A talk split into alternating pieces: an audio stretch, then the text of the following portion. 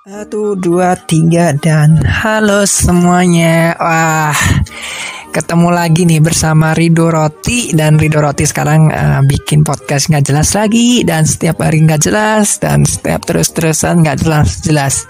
Oke, jadi kali ini uh, Rido Roti nih uh, sedikit membahas tentang uh, apa namanya? nggak uh, mau bahas tentang politik sih nggak suka.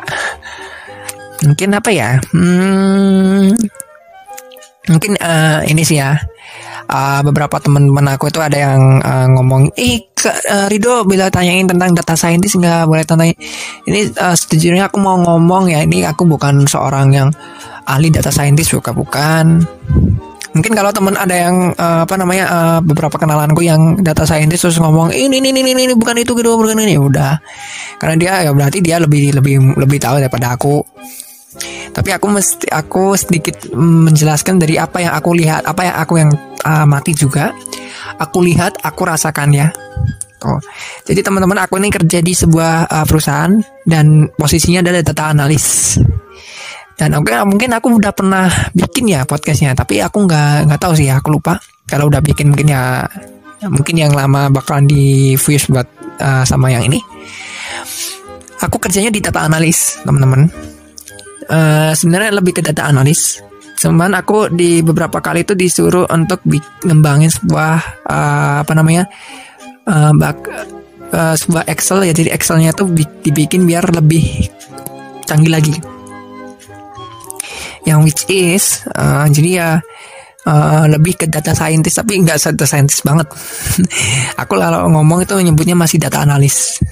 Uh, tapi di bosku sering nyebutnya itu data scientist tapi aku nggak ngomongnya tetap data analis.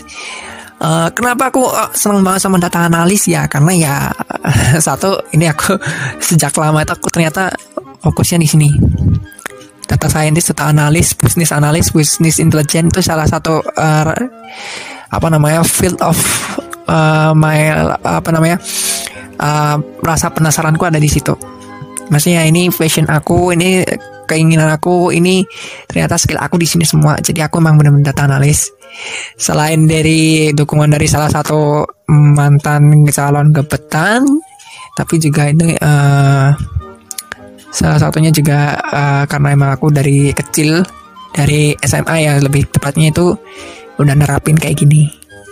Oke jadi uh, uh, apa namanya uh, teman-teman apa ada yang sering nanya ke aku ya apa sih bedanya data analis? Dan ini, ini, ini, aku sering langsung sodorin aja satu bukunya. Tentang big data itu jelasin banget. Apa sih bedanya data analis sama data scientist itu ada. Dan aku sering follow kalau teman-teman uh, misalkan di ini aku nggak promosi nanti kalau teman-teman ada butuh uh, biasanya apa sih uh, ininya? Ya aku nanti kasih tahu. Jadi ada beberapa website tuh tentang data analis sama data scientist. Uh, biasanya kalau data scientist itu biasanya lebih ke uh, apa namanya yang menerapkan AI juga. Jadi misalkan ada data, udah langsung tek tek tek tek tek tek. Nah, jadi dia udah tahu langsung dari dat dari pelajaran data yang dia dapatin. Jadi ya kayak tek tek tek tek tek tek tek tek. Jadi misalkan kalau di uh, salah satu platform ya atau nggak nggak sebutin ini ya tuh dia langsung uh, oh ini berarti jaraknya segini. Oh ternyata banyak orang itu uh, apa namanya da, jam segini banyak orang tuh uh, uh, apa namanya uh, banyak orang pakai nih. Jadi kita naikin dong price-nya. Nah bisa jadi. Ada di perannya data scientist itu sih ada di bisnisnya juga. Perannya di bisnisnya juga ada di programmingnya juga ada bikin bikin uh, uh, proyek aku kemarin tuh ditawarin proyek dan salah satu proyeknya adalah uh, milahin buku. Jadi yang referensi yang paling tepat tuh apa? Dari judul-judul bukunya doang. Terus lagi uh, itu yang data scientist ya, itu mempermudah juga dan memang beberapa job desk data scientist tuh juga emang uh, bikin sebuah aplikasi juga ya buat mempermudah juga sih. Tapi uh, lebih kalau menurut aku ya, memang data scientist tuh memang uh, biasanya bahasanya tuh ada yang sedikit berat tentang uh, apa namanya tentang statistikanya juga ada. Dan statistikanya itu tentang hipotesis. Jadi ya wah ini di, bisa dikategorikan uh, data ini nggak ya? Kalau bisa berarti kita ambil kalau nggak ya udah itu bisa bisa jadi. Oh ini orangnya pantas juga dikasih promo ini. Itu salah satu penerapannya. Dan juga pakai apa namanya uh, hipotesis juga oh mungkin kayak gini terus kita tes cek cek cek cek oh ya ternyata benar gitu. Kayak gitu. Nah buat teman-teman yang apa yang bilang uh, data analisis bagus nggak sih teman-teman gini. Uh, dulu waktu aku masuk di uh, universitas ya jurusan aku matematika. Waktu pertama kali tahun pertama eh, tahun kedua ya kalau saat tahun pertama tahun kedua. Tahu nggak sampai yang uh, karena aku kan uh, ini ya masih di fakultas ya awalnya kan. 160 dari 325 siswa itu memilih matematika itu karena pengen aktuaris. Ya nggak semuanya sih cuman beberapa uh, 60 dari 160 itu uh, kira nggak salah tuh 40 persen atau 50 persen itu pengen jadi aktuaris. Tahu nggak kenapa? Jadi pada zaman itu pada saat itu uh, dari cutting cuttingnya itu semuanya bilang ah kamu tahu nggak kalau di aktuaris itu gajinya seberapa? 25 juta 20 juta. Ada yang juga bilang 20, 10 juta 15 juta. Dan teman-teman tahu nggak kalau 10 juta itu tiga kalinya UMR Jakarta? Nggak tiga kali sih dua setengah kali UMR Jakarta bayangin aja dua setengah kali pak. Gimana nggak gila? Dua setengah kalinya coba. Tapi emang kayak gitu teman-teman. Terus akhirnya ya banyak yang masuk ke matematika terus banyak yang ngejegalin temennya. Dulu aku sempat ada yang beberapa teman aku ya yang anak sekarang anak fisika. Jadi dia tuh pengen banget masuk matematika cuman kecigal karena ya apa namanya uh, ya ada yang matematikanya jelek ada yang uh, eh, IPK-nya nggak bener ada juga IPK-nya nggak bener. Dan teman aku tuh satu satu orang tuh dia dia tuh ada di batas paling bawah eh batas batas masuknya jurusan matematika. Dan akhirnya dia kelembar ke jurusan kimia bayangin. Tapi dia akhirnya lulus alhamdulillah. Nah ini aku cerita cerita sedikit ya nih kalau misalkan teman-teman nyari kerjaan itu uh, cari sesuatu kerjaan yang sesuai passion teman-teman. Ini aku jujur aja. Bukan masalah. Kalau teman-teman lihat di LinkedIn itu LinkedIn itu ada semuanya ada kok jangan nyari ini nih gini. Itu masalah buat mereka sendiri. Kalau teman-teman mau cari aman ya udah sesuai dengan teman-teman passion teman-teman. Sama ketika teman-teman milih SMA milih kuliah itu sesuai passion aku dulu kenapa aku milih ya aku udah bilang ya kemarin kalau teman-teman dengerin itu salah satunya karena emang passion aku di matematika sama programming. Tapi ya karena aku nggak bisa masuk ke uh, informatika ya aku milih ke matematikanya. Ya udahlah dapet ya dapet ya. Ya alhamdulillah dapat banget tapi nggak dapat uh, eh, apa namanya S2 nya kamu pengen banget S2 tapi ya udah terus uh, lebih ke apa namanya passion yang pertama. Uh, jujur aja nih aku jatuh cinta sama temen aku anak uh, anak seni. Aku nggak sebut jurusannya nanti dia marah. Apalagi dia lo dengerin. Dia tuh kadang suka marah. Terus tau taunya nggak PM aku ih kamu kenapa sih suka ya udah. Anak seni kalau aku, aku kenal anak seni itu banyak banget. Dari A sampai Z tuh ada semua aku kenal semua. Temen aku juga anak seni juga aku sering ngobrol sama dia aku sering uh, malah juga teman sahabat aku juga itu ya. Satu kontrak dulu kan satu uh, satu satu nasib ya waktu itu. Terus aku juga kenal sama apa ya namanya uh, jurusan lain gitu maksudnya ya banyak kok. Aku kenal banyak banget orang-orang. Kenal bukan cuma tahu ya cuma nggak cuma tahu tapi kenal kenal ya. Jadi tahu orangnya kayak gimana sifatnya apa aja aku udah kenal dan tak tahu. Dan jujur aja maksudnya ya uh, ketika aku melihat dia tuh ya dia pasti wah jurusan seni itu juga di, di, dipenuhin apa dibutuhin sama uh, apa namanya pihak perusahaan juga. Kalau teman-teman tahu yang namanya produk designer produk ini wah itu gila banget pak. Itu udah uh, cuman anak-anak anak-anak seni doang yang bisa pak. Suruh bikin grafik desain suruh bikin video video desain apa video kayak video editor video ini oh cuman anak seni doang itu pak.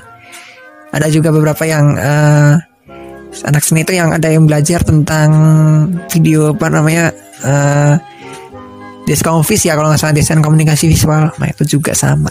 Jadi ya kayak uh, apa ya namanya aku bilang tuh kayak uh, ternyata setiap jurusan tuh ada maksudnya ada prospeknya tuh ada kalau kemarin tuh ada temen aku anak farmasi tuh selalu marah apa selalu bingung kan.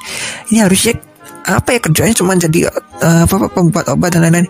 Nah, kalau teman-teman mau jadi peneliti bisa jadi uh, atau mungkin teman-teman mau jadi mau menggunakan ilmunya buat bikin suatu alat apa suatu obat bisa jadi kan. Karena emang karena uh, apa ya namanya karena teman-teman harus bisa menggali diri sendiri potensi diri sendiri ini udah kayak apa ya Mary Riana atau Mary Teguh ya. Tapi bener sih itu teman-teman gali diri sendiri potensi teman-teman aku ingin nge YouTube ya silakan. Tapi kalau misalkan teman-teman nggak bisa sukses di YouTube ya jangan marah. Jangan sampai teman-teman itu kalau menurut aku ya jangan sampai teman-teman ikut-ikutan teman-teman temennya.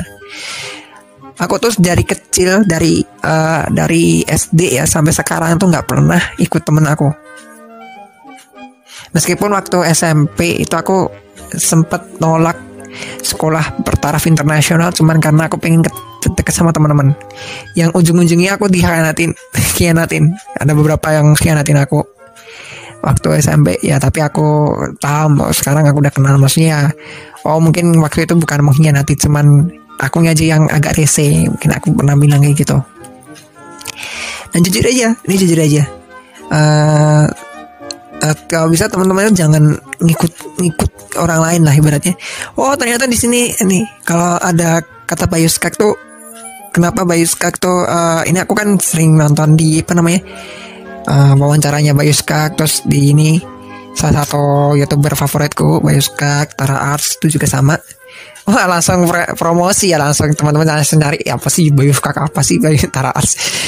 Itu dua orang itu keren banget aku aku jujur aja keren banget belum lagi beberapa follower apa beberapa yang aku follownya aku follow di akun utama aku dan itu kebanyakan orang-orang yang istilahnya kayak jatuh bangunnya keren. Ada juga dosen aku bikin akun YouTube cuman buat ngenalin matematika tingkat tinggi. Bahasa Indonesia bahasa Indonesia bayangin. Karena bahasa Inggris kebanyakan kan dan kebanyakan orang itu nggak paham. Dia bikin bahasa Indonesia ya pak. Dan itu benar-benar keren banget. Terus ada juga Bayu Skak tuh sampai sekarang tuh aku sampai sekarang tuh kayak kaku banget. Dia tuh berani untuk uh, keluar dari jalur nyaman. Keren banget. Dia tuh orang tuanya tuh pengennya si Bayu Skak ini jadi seorang PNS, tapi sekarang dia tuh jadi seorang uh, apa namanya? sutradara. Gila banget. Terus ada juga si Tara Arts ya salah satu uh, favorit nggak uh, cuman gamer yang bikin aku kagum adalah ada karena uh, uh, waktu di salah satu videonya kan ya atau ada di vlognya ya. Itu kan dia ngisi sebuah presentasi ya dan dia tuh uh, uh, sempet ngomong apa adanya dan adanya apa. Itu yang paling keren. Dia adanya apa aja ya udah. Dia lakuin aja lanjut aja jalan aja. Terus adanya apa ya udah. Apa adanya dan adanya apa itu yang paling keren. Dan waktu kemarin aku uh, sempat ini kan aku ngerekamnya tanggal 2 September ya. Kemarin tuh aku sempat nonton salah satu dari ini ya. Uh, ada salah satu youtuber yang mewawancarai dia dan salah satu quote-nya terkenal tuh adalah hati-hati sama ucapan dan aku setuju banget karena emang dari kecil aku tuh uh, apa misalkan waktu itu waktu SMP atau SMA aku lupa oh waktu SMA tuh bayangin sebelum uh, jalur undangan dibuka, aku tuh langsung udah nulis uh, satu ju satu unit satu jurusan. Udah nulis, gede banget aku tulis, aku pasang di wallpaper laptop. Alhamdulillah ke kecapek, pak. Yang aku belum kecapek cuma satu ke Norwegia, itu belum kecapek. Ya mungkin karena mungkin aku rasa sama istri aku mungkin, insya Allah. Kalau mungkin sama istri aku ya aku berharap ya itu Terus uh, dulu aku juga pernah uh, ngomong, aku pengen waktu lulus ya, aku ngomong aku pengen kerja di Solo. Aku nggak pengen ketemu sama si ini. Dan bener. aku pertama kali dapat kerjaan itu di Jakarta. Itu saat itu dia tuh kerjanya di Bandung. Pas dia pindah di Jakarta dan itu aku baru tahu April kalau salah. Tapi nggak tahu dia tuh udah pindah ke Jakarta kapan aku nggak tahu cuman kalau nggak salah dia tuh pindah ke Jakarta tuh memang antara Maret atau April. Aku baru tahu April. Dan akhirnya aku di perusahaan yang di Jakarta tuh aku di apa namanya perusahaan di Jakarta tuh akhirnya uh, bukan kolaps ya tapi karena nggak punya duit. Akhirnya dia uh, vakum sebentar. Dan akhirnya meminta untuk karyawannya untuk pindah uh, apa nyari pekerjaan atau tetap bantuin uh, perusahaan itu. Dan aku lebih milih untuk nyari pekerjaan dan dapat di Solo. Dan tahu nggak teman-teman aku pernah bilang apa coba? Aku nggak pengen kerja aku nggak pengen kerja sekota sama dia di, dikabulin itu aku maksudnya maksudnya kayak ya maksudnya kayak aneh banget. Maksudnya ya itu pada saat itu aku ngomongnya ngasal juga sih. Aku nggak pengen kerja se se sekota sama dia karena ya bayangin aja satu eh, aku nggak nyebutin ya. Pokoknya ada satu satu tempat itu kami ber, kami sering ber, bareng ya. Satu sering sering bareng. Dianya marah sama aku terus aku ya udah bilang aku pengen menghargai kamu. Aku pengen kamu tuh nggak nganggap aku tuh sebagai pengganggu. Ya udah. Aku mohon maaf banget. Aku pengen banget kita nggak apa kita kerja nggak sekota. Di dikabulin pak. Dan sekarang aku dari Solo dan kemungkinan dia ke, ke Solo itu kecil banget kecuali kalau dipindah maksudnya kalau misalkan dia di apa namanya di perusahaan multinasional mungkin perusahaan nasional ya kayak BUMN gitu kan dia bisa dipindah ke Solo kan bisa jadi. Tapi itu kecil banget kemungkinannya pak. Makanya aku udah agak sedikit bahagia di sini.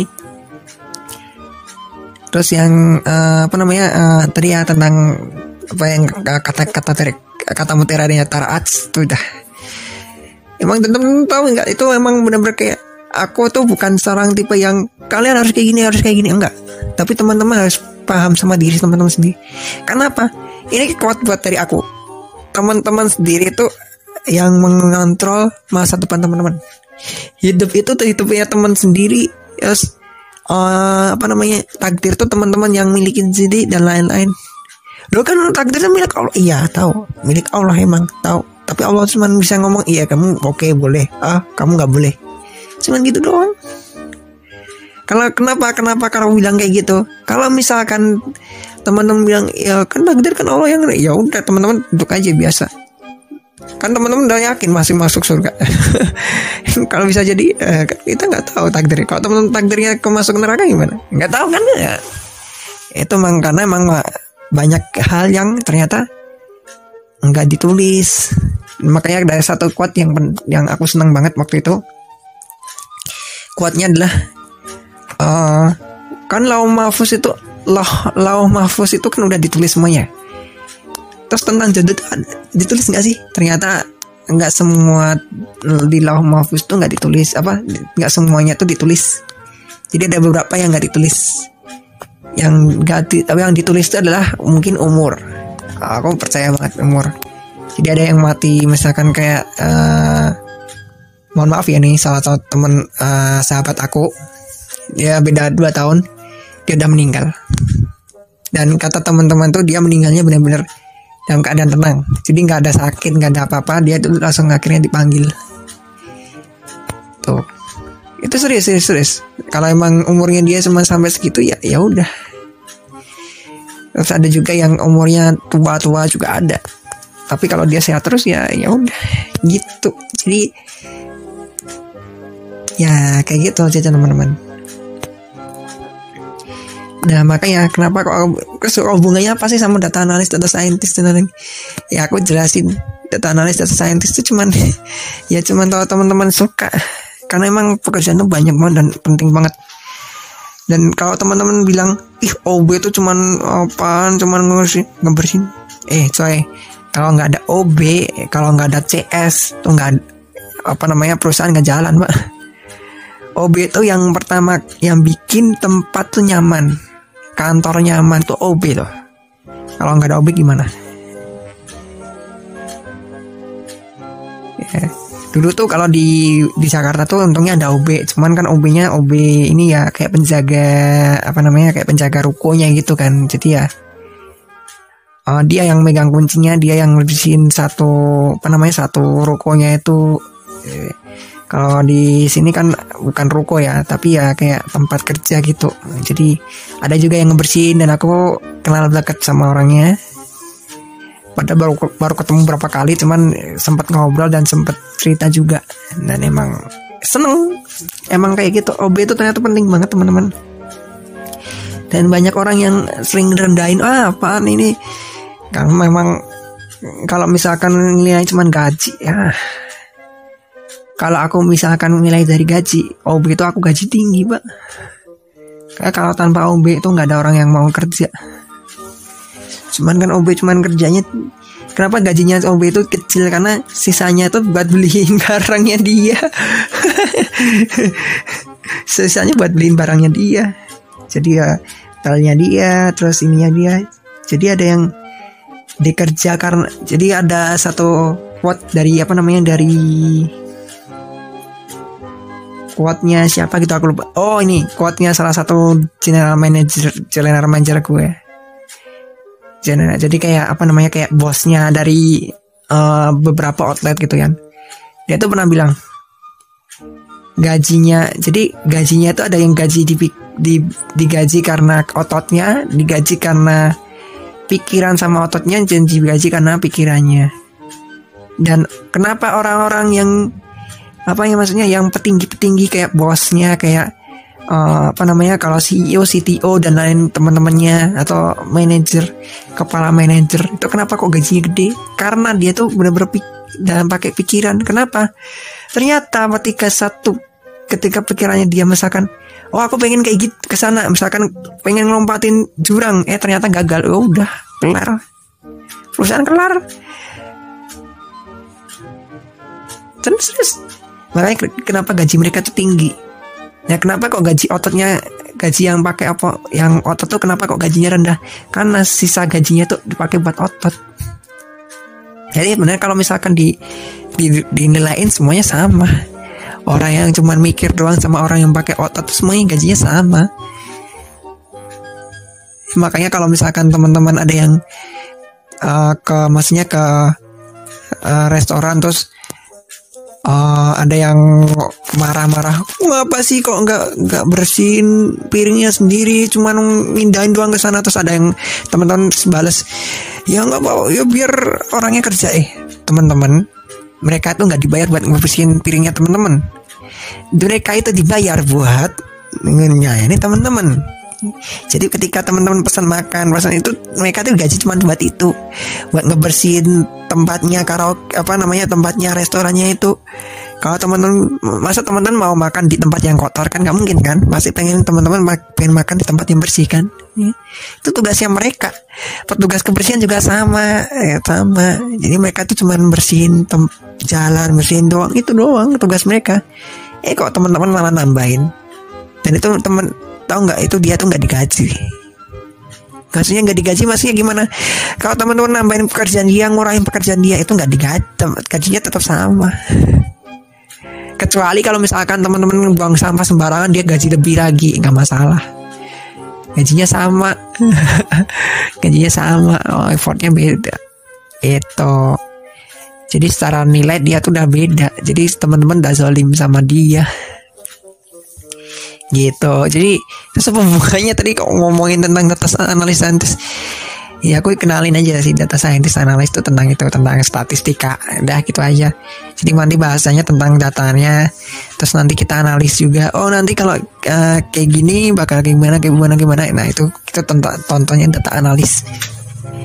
Uh, kayak gitu Terus uh, mungkin uh, salah satu yang kalau teman-teman suka pengen banget data analis data scientist silahkan teman-teman uh, PM aja. Nanti aku kasih tahu uh, siapa orang yang di LinkedIn siapa aja yang wajib di follow. Terus uh, buku yang wajib dibaca atau mungkin website ya itu teman-teman bisa search aja sendiri Nah itu aku kenalin. Kalau teman-teman aku sarani ya, kalau teman-teman kalau mau uh, apa namanya